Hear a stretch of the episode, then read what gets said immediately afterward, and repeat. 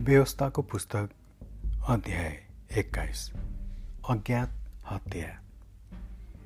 परमप्रभु तिमीहरूका परमेश्वरले तिमीहरूको अधिकारमा दिनुहुने देशको कुनै मैदानमा लास फेला पर्यो र हत्याराको निदो भएन भने धर्मगुरुहरू र न्यायकर्ताहरू गएर लासदेखि कुन चाहिँ सहर निकटतम छ त्यो पत्ता लगाउन्।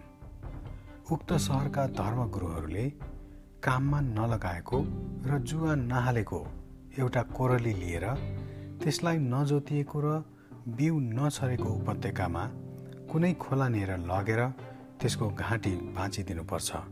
तब परमप्रभुको सेवा गर्न र उहाँको नाउँमा आशीर्वाद दिन र हरेक झैँ झगडा मिलाइदिने कामको निम्ति उहाँले छान्नु भएको हुनाले लेबीका सन्तानका पुजारीहरू त्यहाँ आउन्। त्यस लासको निकटतम सहरका सबै धर्मगुरुहरूले खोलामा घाँटी भाँचेका कोरलीमाथि आफ्ना हात धोउन्। तिनीहरूले यसो भनुन् यो हत्या हाम्रा हातले गरेको होइन न त हाम्रा आँखाले त्यो हुँदै गरेको देखे। हे परमप्रभु तपाईँले छुटकारा दिनुभएको तपाईँको प्रजा इजरायलको निम्ति यो प्रायश्चित ग्रहण गर्नुहोस्।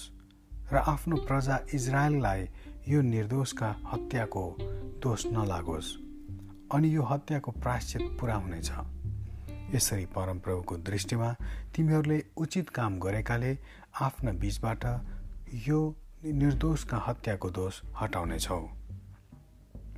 युद्धबन्दी स्त्री सम्बन्धी नियम।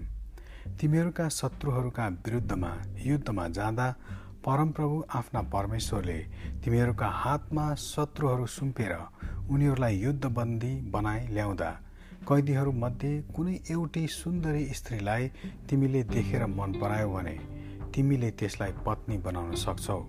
त्यसलाई आफ्नो घरमा लैजाऊ र त्यसलाई आफ्नो कपाल खौरन र नङ काट्न लगाऊ र कैदमा पर्दा त्यसले लगाएको लुगा फेर्न लगाऊ। तिम्रो घरमा बसी पुरा एक महिनासम्म त्यसले आफ्ना बुवा आमाको निम्ति बिलाप गरेपछि तिमी त्यस कहाँ जान सक्छौ र त्यसको पति बन्न सक्छौ र त्यो तिम्रो पत्नी हुन्छ। पछि त्यो स्त्री तिमीलाई मन परेन भने त्यसलाई जहाँ इच्छा लाग्छ जान देऊ। तिमीले त्यसलाई बेच्नु हुँदैन वा त्यसलाई कमारीलाई जस्तो गरी व्यवहार गर्नु हुँदैन किनकि तिमीले त्यसको सतीत्व नष्ट पारेका छौ। जेठो अधिकार। यदि कुनै मान्छेका दुई पत्नी छन् एउटी प्रिय र अर्की अप्रिय र ती दुवैबाट छोरा हुँदा मन नपर्नेले चाहिँ जेठो जन्माए भने अंशबन्डा लगाउँदा मन पर्नेको छोरा भनेर मन नपर्नेको खास जेठो छोरालाई उछिनेर बाबुले कान्छालाई अधिकार दिन पाउने छैन।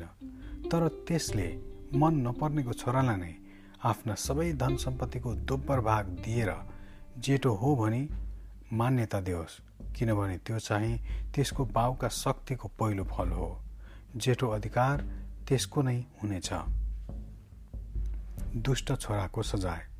आफ्ना आमा बुवाको आज्ञा पालन नगर्ने कुनै अटेरी बदमास छोरालाई ताड्न दिँदा पनि तिनीहरूको कुरा मान्दैन भने त्यसका आमा बाबुले त्यसलाई समातेर सहरका धर्मगुरुहरू कहाँ सहरको मूल ढोकामा लैजाउन्।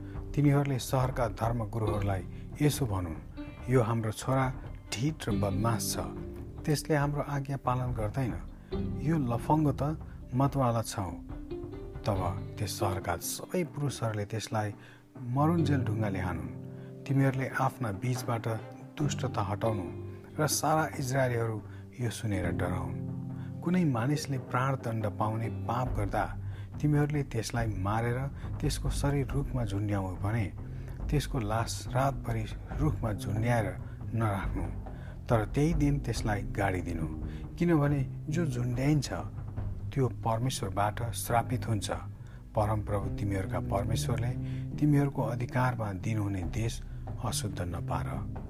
आमेन।